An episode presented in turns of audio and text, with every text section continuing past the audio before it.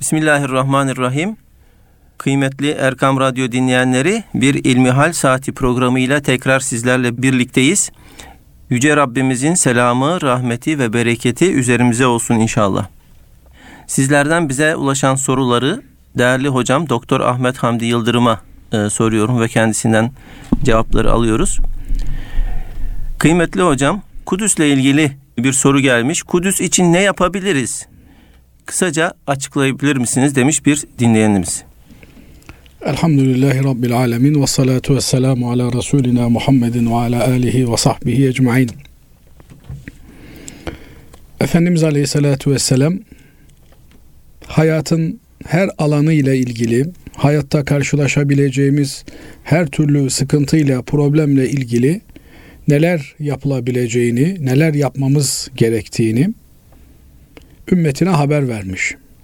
Nitekim Meymune validemiz Hazreti Peygamber aleyhissalatü vesselam Efendimiz'e Beytül Makdis ile ilgili bir soru sorunca oraya gidip namaz kılmasını Efendimiz aleyhissalatü vesselam söylüyor.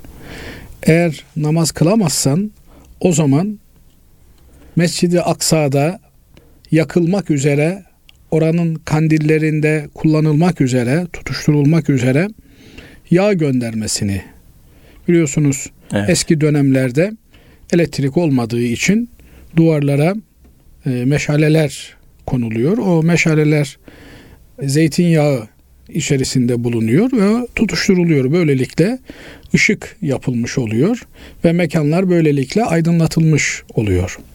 Şimdi burada Hazreti Peygamber aleyhissalatü vesselam Efendimiz Allahu alem bize iki şey tavsiye ediyor. Birincisi orada fiilen gidip namaz kılmamızı eğer buna gücümüz yetiyorsa, buna iktidarımız varsa ki namaz kılmanın anlamı iktidar sahibi olmaktır. Zira Kur'an-ı Kerim'de Sanibillah ellezine immekkennahum fil ardı akamus salate. O Müslümanlara yeryüzünde iktidar verdiğimiz zaman, temkin verdiğimiz zaman onlar yeryüzünde bir bölgeyi, bir alanı hakimiyetleri altına aldıklarında orayı namaza göre düzenlerler. Devlet nizamı namaza göre şekillenir. Protokol namaza göre tayin edilir, tanzim edilir. Binaenaleyh hayatın işleyişine namaz hakim olur, namaz egemen olur. Bu çok önemli bir nokta. Kur'an-ı Kerim bunu belki yeri gelir e, farklı bir zaman diliminde tekrar konuşuruz. Ama namaz kılmak demek orada hakimiyet sahibi olmak anlamına geliyor.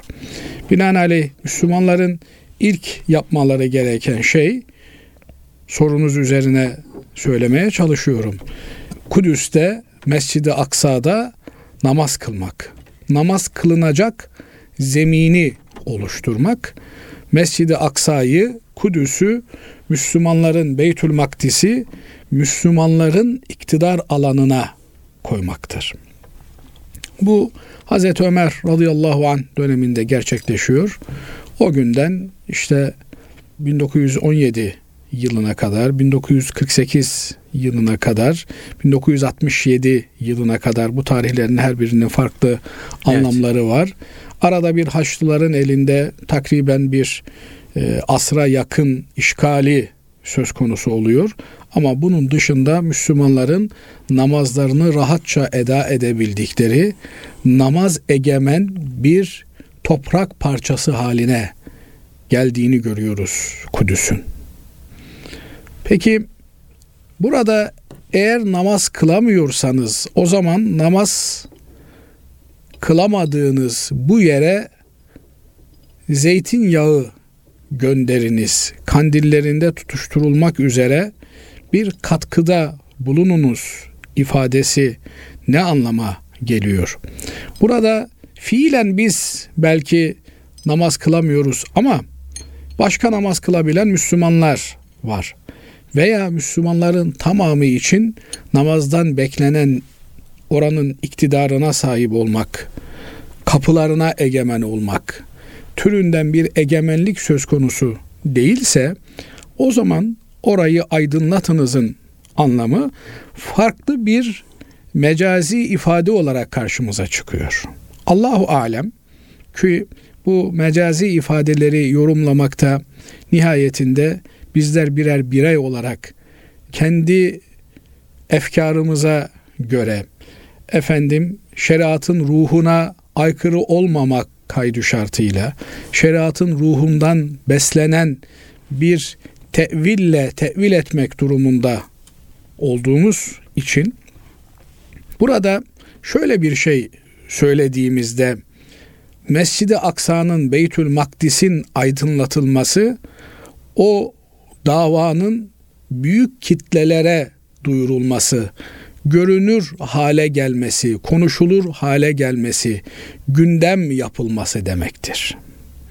Evet, fiilen hakiki anlamında anlamıyla oraya bir katkıda bulunmak, oranın direnişine, oranın fethine, oranın e, efendim sebatına fiili bir katkıda maddi bir katkıda bulunmanın yanı sıra asıl yapılması gereken şey Filistin davasının, Beytül Makdis davasının, Kudüs davasının, Mescid-i Aksa davasının gündemde tutulmasıdır.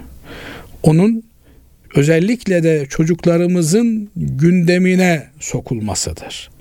Nasıl Sultan Fatih e, işte gördüğümüz, duyduğumuz, menkıbelerinden muttali olduğumuz kadarıyla gördüğümüz dediğimde de nereden gördün derlerse işte bir sürü çizgi film yapıldı. Bununla ilgili film yapıldı, bilmem ne yapıldı. Oralardan e, ilhamen gördüğümüz diyorum. Evet. Nasıl Sultan Fatih çocukluk oyunlarını İstanbul'un fethi üzerine kuruyorsa efendim kalenin bir mücessem surların mücessem halini toprağa e, işleyip şuradan saldırırım, buradan askerlerimle e, giriş yaparım vesaire filan türünden oyunlar kuruyorsa bizler de çocuklarımızı Kudüs'ün, Beytül Makdis'in özgürleşmesi için gündemlerini buraya aktarabilecek şekilde bilgilenmelerini, aydınlanmalarını sağlamamız gerekiyor. Bu yönüyle hakikaten Beytül Makdis kandilini, ışığını, nurunu, davasını her yerde görünebilecek gündemin ilk sıralarına taşıma mecburiyetimiz var. Kudüs kelimesi arınmayı, temizlenmeyi ifade eden bir kelimedir. Yani mukaddes kelimesi, kudüs, takdis kelimeleri, kutsiyet kelimesi bunların hepsi temiz olmak, arınmak, pak olmak anlamına gelir. Efendi Hazretleri Kaddesallahu sirrahu dediğimizde yani Allah onun iç alemini temizlesin, sırrını, iç dünyasını temizlesin anlamınadır. Nitekim bir zengine dua edeceğiniz zaman Allah ona helalinden mal versin diye dua edersiniz. Yani herkesin neyle özdeşleşmiş ise kendisine yapılacak dua da o cinstendir. Efendim bir günahkarı görürseniz ona da Allah tevbeni kabul etsin dersiniz ki hangimiz günahkar değiliz? Yani ben günahkar değilim diyebilecek biri var mı? Binaenaleyh maneviyatı yoğun birini gördüğümüz zaman ona işte Allah sırrını takdis etsin deriz. Bunun anlamı nedir? Sırrı iç dünyası, iç alemi demektir. Yani Allah onun iç alemini, kalbini temizlesin, arındırsın, kötülüklerden, şaibelerden pak kılsın anlamına gelir. Kudüs işte böyle pak kılınmış bir yerdir. Bu yönüyle baktığınız zaman da eğer biraz daha geri çekilip olayı derleyip toparlayacak olursak Kudüs bizim arınmamıza vesile olabilecek en büyük nimetlerden bir tanesidir. Yani ümmeti Muhammed ne zaman arınmış, ümmeti Muhammed olmanın bilincini muhafaza etmiş ise, birlik ve bütünlüğünü koruyabilmiş ise o zaman Beytül Makdis'e layık hale gelmişler. Mescid-i Aksa'ya layık hale gelmişler ve Mescid-i Aksa egemenliklerinde kalmış. Orada rahat bir şekilde namaz kılabilmişlerdir. Eğer namaz kılamıyorsak, namaz kılabilecek iktidarı bulamıyorsak, namaz kılabilecek imkanları rahat bir şekilde yerine getirebilecek bir ortamı, atmosferi yakalayamıyorsak o zaman burada bizim temizliğimizle, bizim mukaddesliğimizle ilgili bir sıkıntı var demektir. Dönüp kendimizi arındırmaya çalışmamız lazım. Ee, burada e, Mescid-i Aksa'yı bir Arap meselesi halinde, bir Filistin meselesi halinde takdim etmek bu davaya yapılabilecek en büyük zulümlerdendir. Filistin meselesi haline getirirseniz Filistin İsrail denilen bir varlıkla işte 30 milyona 18 milyon birbiriyle kavga ediyor demektir. Arap meselesi haline getirirseniz e, orada da işte 300-500 milyon insanın meselesi. Hayır bir iman meselesidir. İman meselesi Müslümanları da aşan bir iman meselesidir. Yani burada sadece Müslümanların imanını ilgilendiren meseleler yok. Hristiyanların imanını da ilgilendiren meseleler var.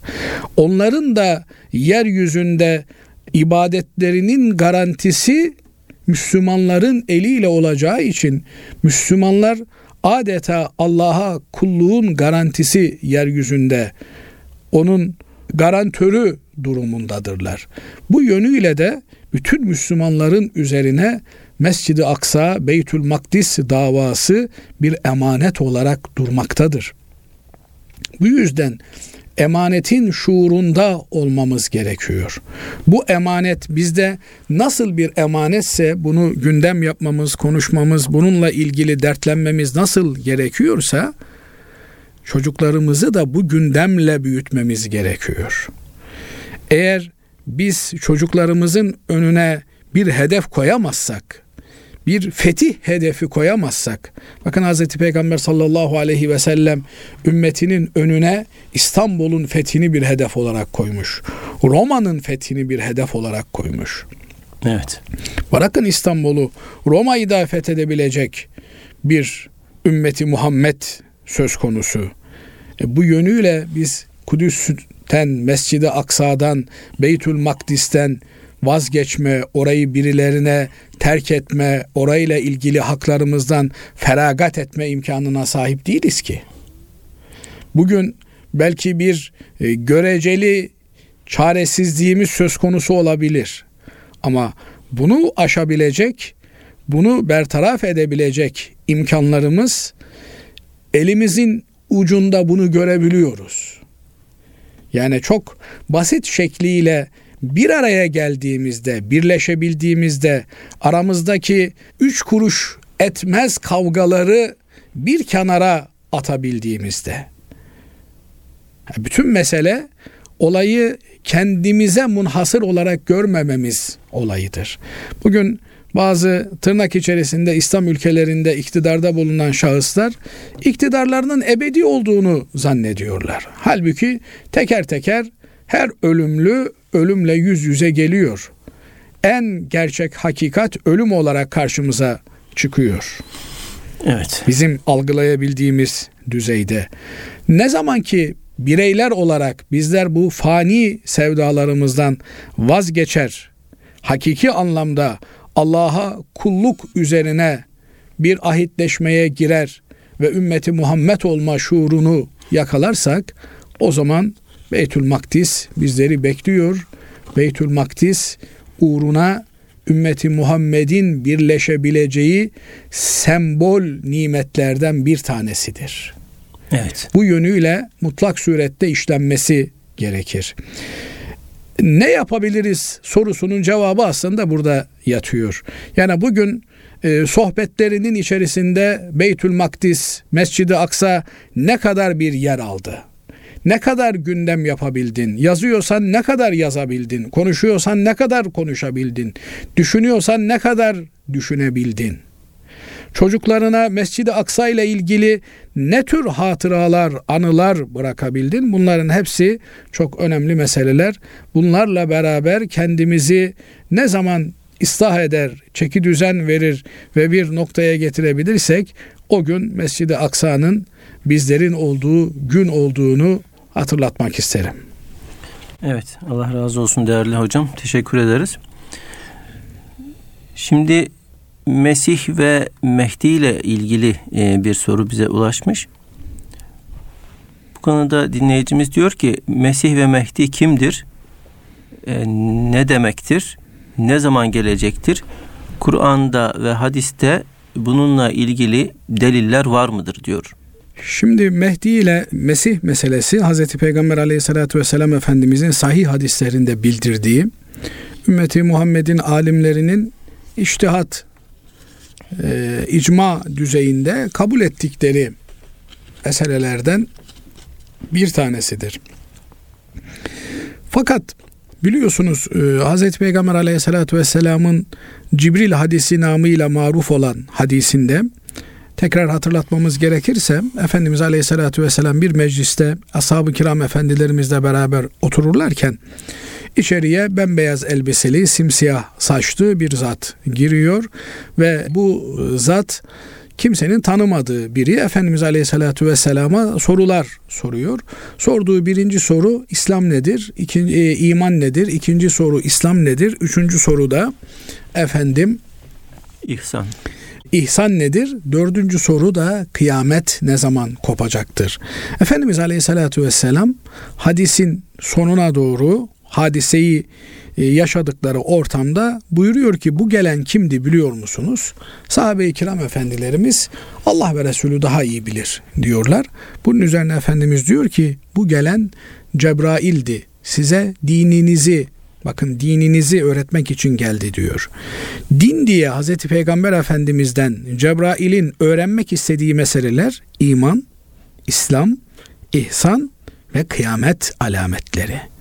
Binaenaleyh bizler iman, İslam ve ihsanla muhatap olduğumuz gibi din çerçevesinde Dördüncü olarak da kıyamet alametleriyle ilgilenmeyi, kıyamet alametleri zuhur etti mi, ortaya çıktı mı, ne zaman çıkacak, ne olacak, ne bitecek bunlarla da ilgilenmeye mecburuz. Din çerçevesinde yapmamız gereken hususlardan bahsedecek olursak.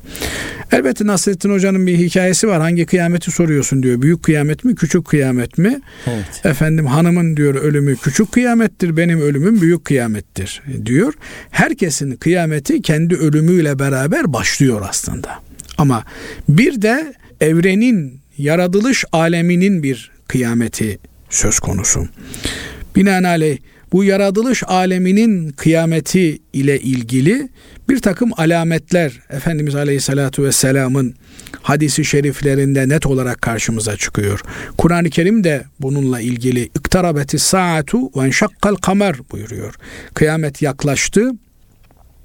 Ay ikiye ayrıldı diyor. Ay şak etti yani iki şıkka bölündü ayın yarılması, Hazreti Peygamber aleyhissalatü vesselam Efendimizin gelmesi.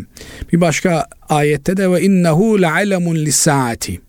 Kıyametin işaretidir diyor Hazreti Peygamber aleyhissalatü vesselam Efendimiz'e işaretle veya İsa aleyhisselamın yeryüzüne tekrar inişiyle ilgili olarak.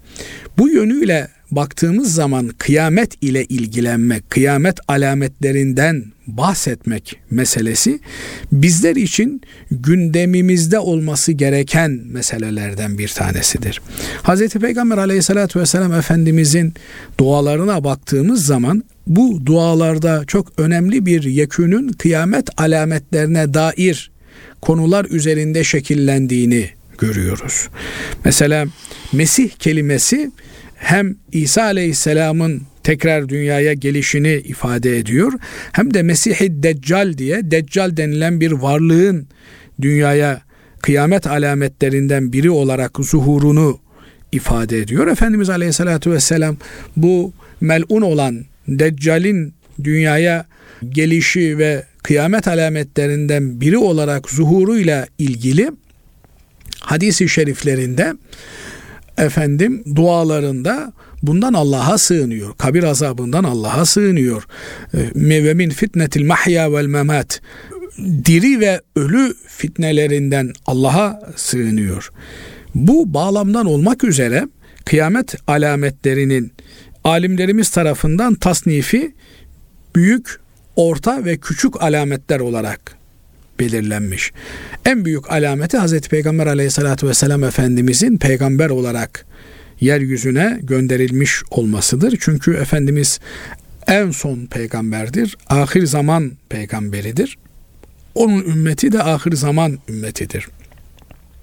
Efendimiz Aleyhisselatü Vesselam kendisinden sonra Raşid hilafetin yani e, Kur'an ve sünnet çizgisi üzerine devam eden özü sözü bir hilafetin 40 yıl devam edeceğini söylüyor. Ondan sonra yırtıcı krallıklar döneminin geleceğini bildiriyor Efendimiz Aleyhisselatü Vesselam. Sonra da kıyamete yakın Raşid hilafetin tekrar döneceğini ve bu sefer Kudüs merkezli bir İslam hilafetinin yeryüzüne egemen olacağından bahsediyor. Şimdi Basri Hocam insan düşündüğünde hakikaten tarihte Müslümanlar çok büyük devletler kurmuşlar. Evet. Raşid halifelerden sonra Emeviler, Abbasiler bunlar büyük devletler, büyük hizmetler yapmışlar. İslam dinini kıtalar ötesine taşımışlar. Peşinden gelen birçok devlet, Selçuklu Devleti, Osmanlı Devleti, hele tarihin tanıdığı en muazzam bir devlet, altı asır devam etmiş Osmanlı, yeryüzünün neredeyse dörtte üçüne hükmetmiş bir devlet. Ve o günkü imkanlarla baktığınızda hakikaten devasa, korkunç bir manzara bu. Yani insan aklının, idrakinin ötesinde bir şey. O gün mesela bakıyorsunuz Yavuz Sultan Selim Sina çölünü 8 günde geçiyor. E, o günün 8 günü bugünün herhalde 8 dakikasına tekabül ediyor. Evet. Yani dolayısıyla artık bugünün imkanlarıyla Müslümanların tekrar yeryüzünde adalet üzerine bir devlet kurmaları durumunda dünyanın tamamına egemen olmalarına mani hiçbir şey söz konusu değil. Yani dün belki bilinmeyen bir kıta olabilir, bilinmeyen bir ada olabilirdi. Ama bugün öyle bir şey söz konusu değil. Dünyanın en ücra köşesine Kudüs merkezli bir hilafet devletinden 10 saatte ulaşmanız mümkün. Belki çok daha e, ulaşım imkanları hızlı hale gelecek. 6 saate inecek bunlar. Hasılı kelam neticeyi meram böyle bir döneme doğru gidiyoruz. Ve bu dönemin belirleyici unsuru Mehdi aleyhisselam. Mehdi kurtarıcı demek. Hazreti Peygamber aleyhissalatü vesselam Efendimiz Mehdi'nin her türlü vasfını zikretmiş. Ama burada bazıları Mehdi inancını yok saymak suretiyle Müslümanların ben işte kurtarıcıdan kurtulmalarını ümit ediyorum. Her şey gibi Basri hocam bıçak da zararına kullanılabilir, yararına kullanılabilir. Bıçakla evet. insanlar kendilerini kesiyorlar diye bıçağı yasaklarsan o zaman ekmek de kesemezsin, et de kesemezsin. Efendim e, silahla insanlar kendilerini vuruyorlar diye yasaklarsan düşman gelir seni vurur sen de çaresiz kalırsın. Binaenaleyh bu tür psikolojik e, savaşlarda eğer bazıları tarafından yanlış kullanıldı diye bu silahları tırnak içerisinde terk edecek olursanız savunmasız hale gelirsiniz. Bakınız Yahudiler bir kurtarıcı inancı üzerinden kendilerini binlerce yıldır ayakta ve canlı olarak tutabiliyorlar.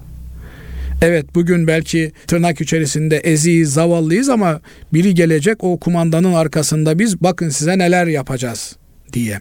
Bir çocuk düşünün her çocuğun babası var babasına sığınıyor bir şey olduğunda bunun babası hapiste babam hapisten bir gün çıkacak bak göreceksiniz diyor ve o moralle büyüyor. Eğer onun moralini sıfıra indirmek istiyorsanız baban yok öldü öyle bir hapiste hapiste de kimseyi bekleme dediğinizde o gün o çocuk çökmüştür.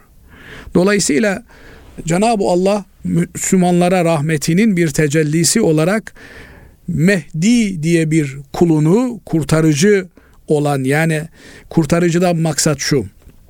İnsanlar denize düştüler biri can simidi atacak kurtaracak anlamına değil. Hz. Peygamber aleyhissalatü vesselam Efendimizin vasfını taşıyan dört dörtlük bir insan. Bugün birçok e, Müslümanların önderi var ama hepsinde bir zaaf noktası görebiliyoruz. Yani baktığınız zaman ha Dörtte üçü mükemmel bir insan ama şu noktasına baktığın zaman ailesine karşı zafiyeti var. Efendim parasına karşı zafiyeti var. iktidar hırsı gözlerini bürümüş, bazen o hırsla ne yaptığını bilmiyor vesaire vesaire. Birinde bunların üçü var, birinde ikisi var, birinde birisi var ama dört dörtlük bir Mehdi yani Hazreti Peygamberi kopyalamış biri yok. Dolayısıyla ümmeti Muhammed'in etrafında toparlanacağı, birleşeceği aleyhissalatu vesselam Efendimiz'i maddi ve manevi kopyalamış birinin adıdır Mehdi. Bu yönüyle Müslümanlardan Müslümanlardan kimsenin itiraz etmediği bir liderdir, bir önderdir. Bugün elbette her Müslüman grubun, her Müslüman cemaatinin bir mehdisi vardır, bir hocası vardır, bir lideri vardır, kanaat önderi vardır.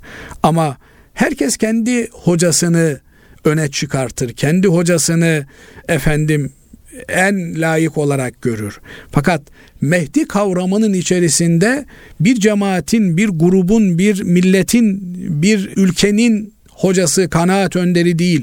Bütün ümmeti Muhammed'i derleyip toparlayan Hz. Muhammed Mustafa sallallahu aleyhi ve sellem Efendimizin maddi ve manevi birikimini özelliklerini taşıyan bir isimden bahsediyoruz. Bütün tabiri caizse tabur kumandanları, albaylar o baş kumandanın askeri olmak üzere kendilerini hazırlamakla mükellefler. Mehdi meselesi hakikaten üzerinde e, çok konuşulması gereken meselelerden bir tanesi. Bütün mesele kendimizi Mehdi aleyhisselamın ordusuna layık bir nefer olarak konumlandırabilmekte, konuşlandırabilmekte, maddi manevi yönlerini buna göre hazırlayabilmektedir. Ee, ümit ediyorum ki inşallah... Bu, e, hocam sözünüzü kestim. Mehdi aleyhisselam çıktığında Müslümanlar sevki tabiiyle mi onu tanıyacaklar? Yoksa efendim yani işte birileri diyecek ki bu Mehdi, birileri hayır bu Mehdi değil mi diyecek. Yani hakiki Müslümandaki o duygu nasıl olacak? Çok basit sevki tabii ile olacak bir hadise. Sevki tabii derken yani hayatını Hazreti Peygamber aleyhissalatü vesselam Efendimizin sünnetlerine göre şekillendirmeye çalışan bir kimse filan Mehdi'dir dediklerinde ne diyor? Peygamberin diyor karıyla kızla işi olmazdı diyor. Bundan Mehdi olmaz diyor. Sevki tabiiyle onu görebiliyor bunun Mehdi olup evet. olamayacağını. Efendim filan Mehdi'dir diyorlar. Efendimiz aleyhissalatü vesselam politika icabı da yalan söylemezdi. Bundan Mehdi olmaz diye itiraz edebiliyor bir takım insanlar. Dolayısıyla Hazreti Peygamber'e onun sünnetine tabi olan, onun ümmetinden olma endişesini taşıyan herkes onda Hazreti Peygamber aleyhissalatü vesselam Efendimizin vasıflarını ayın 14'ü gibi net görecekler. Evet. Yani onda bir yalan görürlerse bundan Mehdi olmaz derler zaten. Evet. Efendim onun etrafındaki insanlara adaletle değil, efendim ihtirasla davrandığını gördüklerinde bundan Mehdi olmaz derler. Bu yönüyle Mehdi'yi ayırt edebilecek vasıfları her Müslümanın kendisinde taşıması lazım. Şimdi ben bir birey olarak günahım yok mu? Çok. Benden daha çok günahlı biri yok. Ama günah olduğunu biliyorum, görüyorum. Aynaya baktığımda yaptığımın yanlış olduğunu fark ediyorum. Binaenaleyh birini ölçüp biçerken de böyle olmasa daha iyi olabilirdi diyorum. Evet benim de hayatımda dört dörtlük gördüğüm insanlar var. Ama onların böyle bir iddiası yok. Mehdi ise Mehdiyetini izhar etmekle mükellef. Ben Mehdi'yim Bu, diyecek yani. Ben Mehdi'yim diye bağıracak her haliyle. Evet. Yani ben Mehdi'yim derken ben Mehdi'yim Mehdi'yim diye Mehdi olarak bağırmasına gerek yok. Ben ümmeti Muhammed'i toplama davası güdüyorum. Ben ümmeti Muhammed'i birleştirme davası gidiyorum. Ümmeti Muhammed'in birlikteliğine, hilafete iman ettim ben. Ümmetin hilafeti davasını güdüyorum demesi yeterli. Evet. Ve kullandığı metotlar da Hazreti Peygamber Efendimizin metotlarıdır. Evet. Ee, bu yönüyle inşallah iktifa etmiş. Yani hocam o. hadis-i şeriflerde adının yani Peygamber Efendimizin adı gibi Muhammed bin Abdullah olacağı geçiyor mu? Geçiyor. Ve birçok hadisi şerif var Mehdi ile ilgili. Bu hadisleri teker teker konuştuğumuzda bu hadiste şu var, bu hadiste bu var denilebilir ama özü itibariyle böyle bir kavram var evet. ve ümmeti Muhammed'in tekrar dirilişi için bizim bu Mehdi ye ihtiyacımız var. Bu sembole ihtiyacımız evet. var. Bu inanç da bizim en önemli dayanaklarımızdan bir tanesi. Allah razı olsun hocam. Değerli hocam bir dinleyicimizin sorusu şöyle. Merhaba. Gusülü direkt ağza ve buruna su vererek ve sonrasında bütün vücudu yıkayarak gusül abdesti yapamaz mıyız? Gusülde buruna su çekerken son suyu buruna verdiğimiz burun deliklerinden bir tanesi acımadıysa gusülü baştan mı almak lazım? Yani iki kere su çektim, burnum acıdı. Üçüncü defa çekerken bir burun deliğimde hiçbir şey hissetmedim.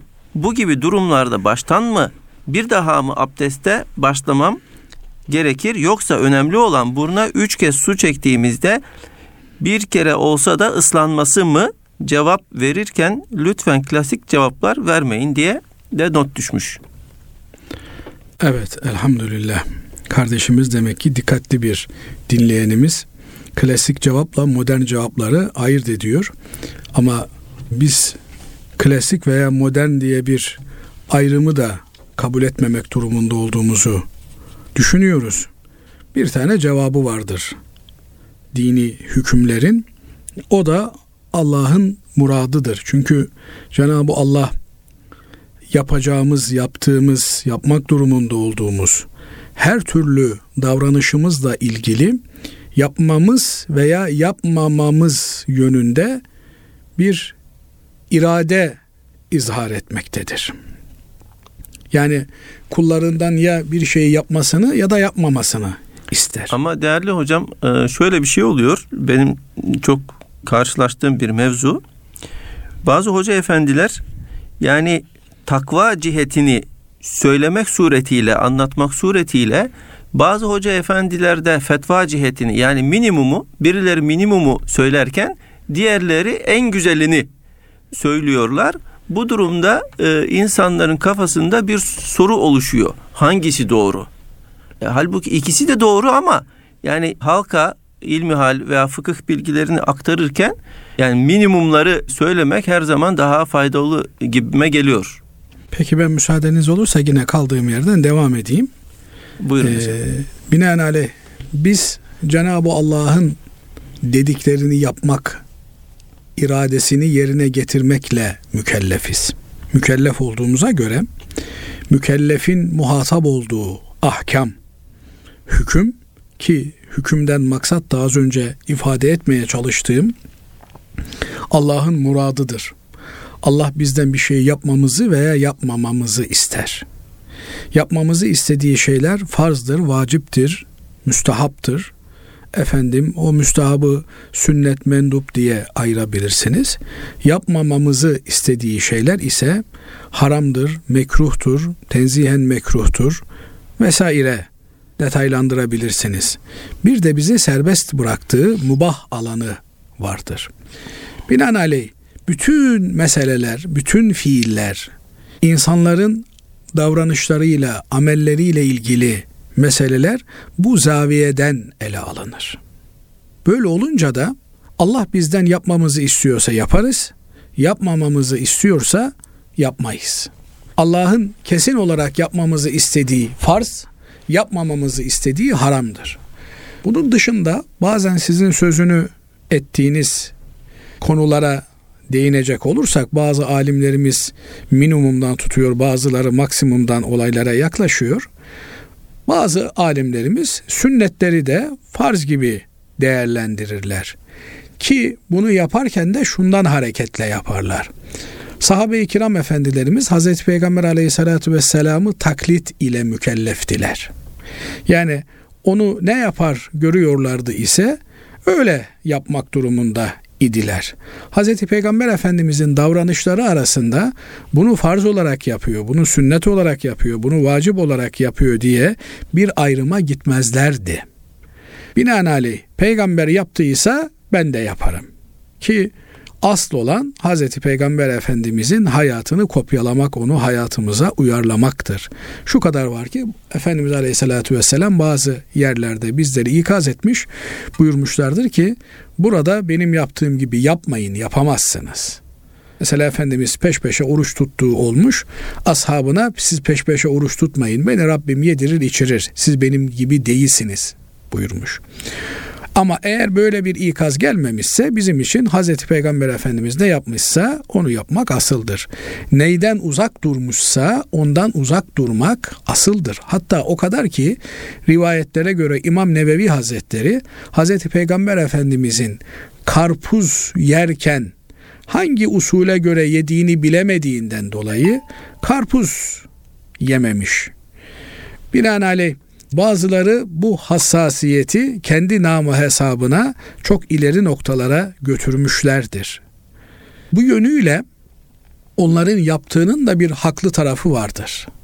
Fakat bize buyurduğunuz gibi avamın aslan sıradan insanlardan bir soru geldiğinde onlara vereceğimiz cevap azimet olan en üst perdeden efendim mesela namazda Fatiha-i Şerif'in fenin peşinden Kevser suresini okusanız da zammi sure olarak farz yerine gelmiştir. Efendim Fatiha-i Şerife'nin peşinden Bakara suresini okusanız da zammi sure olarak farz yerine gelmiştir.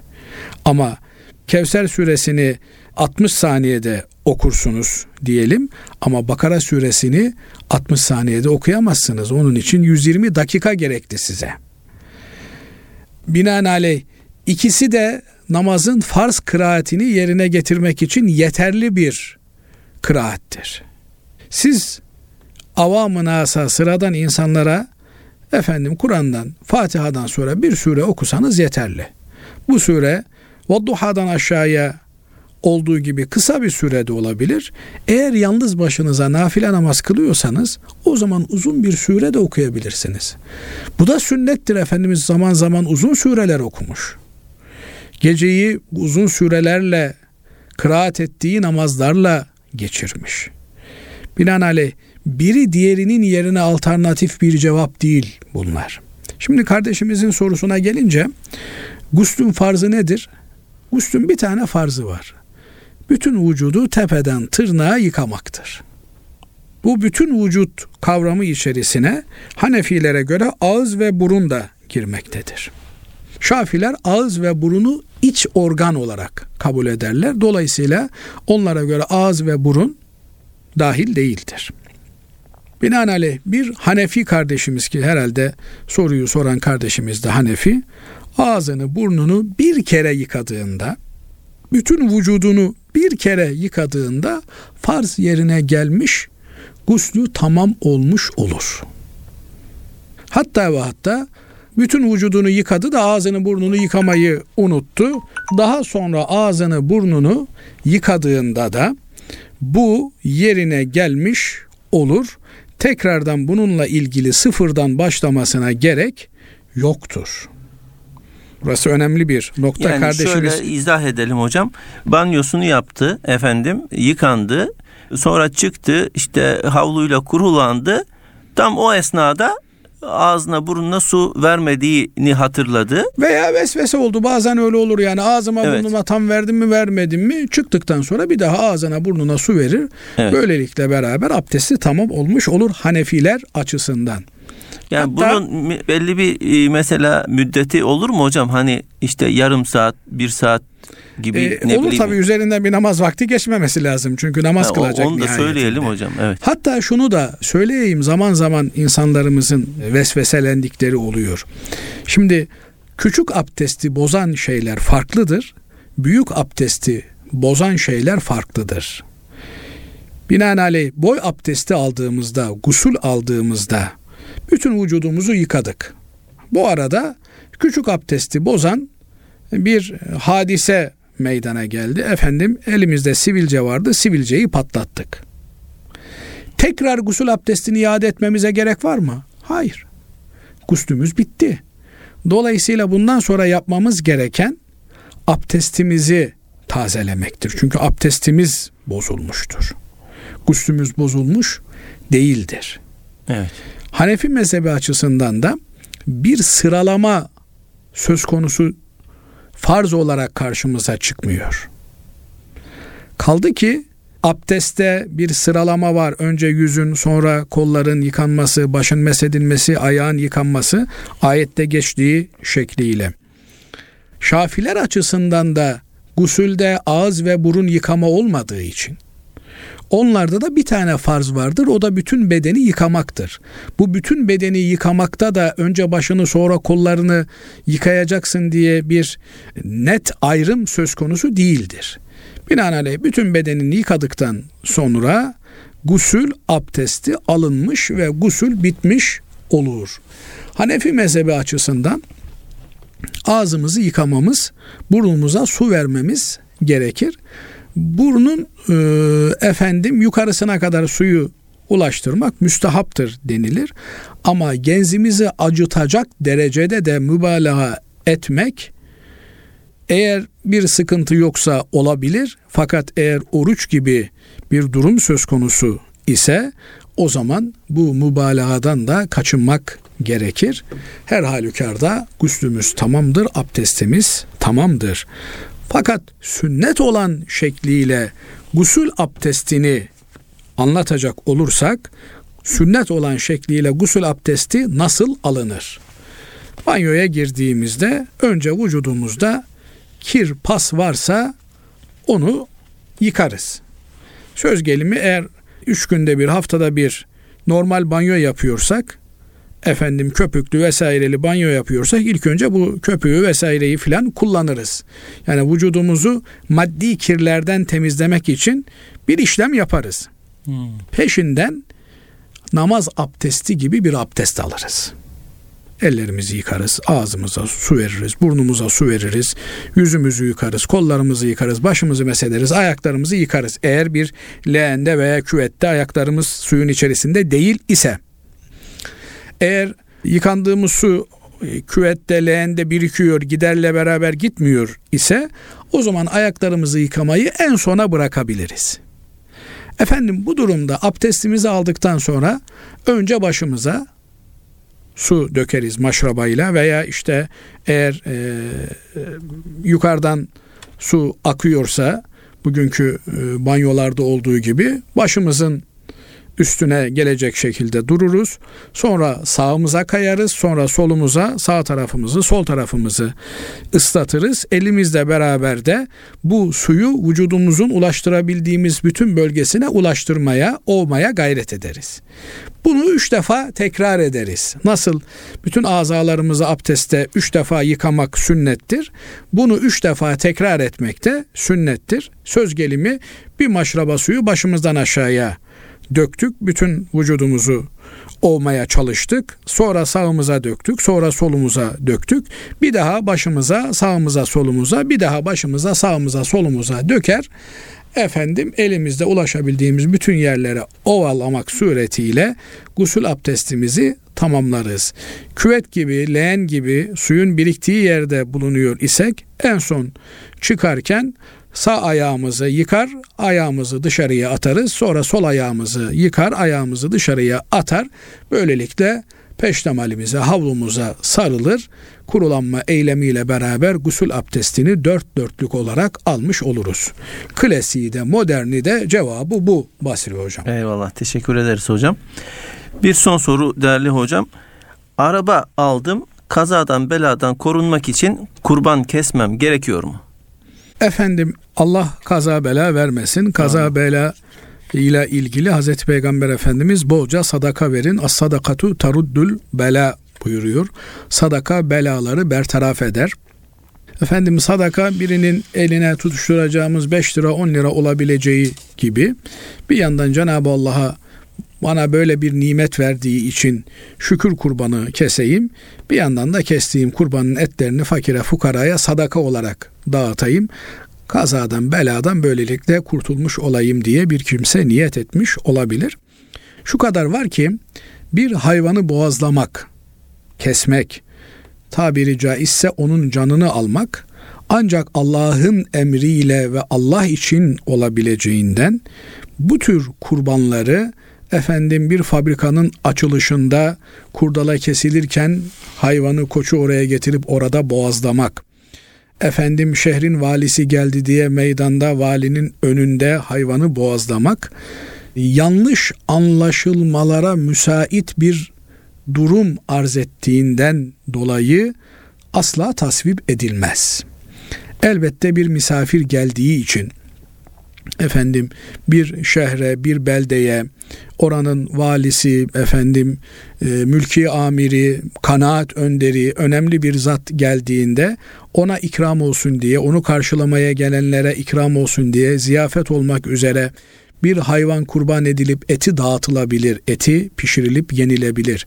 Fakat bu zatın ayağının dibinde adeta ona tazim edermişcesine o mülki idare amirine veya kanaat önderine tazim edermişcesine bir pozisyonla ortaya çıkmak bunlar şirk davranışlarını akla getirebilecek çağrışımlarda bulunduğu için yasaklanmış davranışlardır. Söz gelimi bir hoca efendi işte diyelim ki İzmit'te bir konferansa gidiyor veya orada sevenleriyle buluşacak.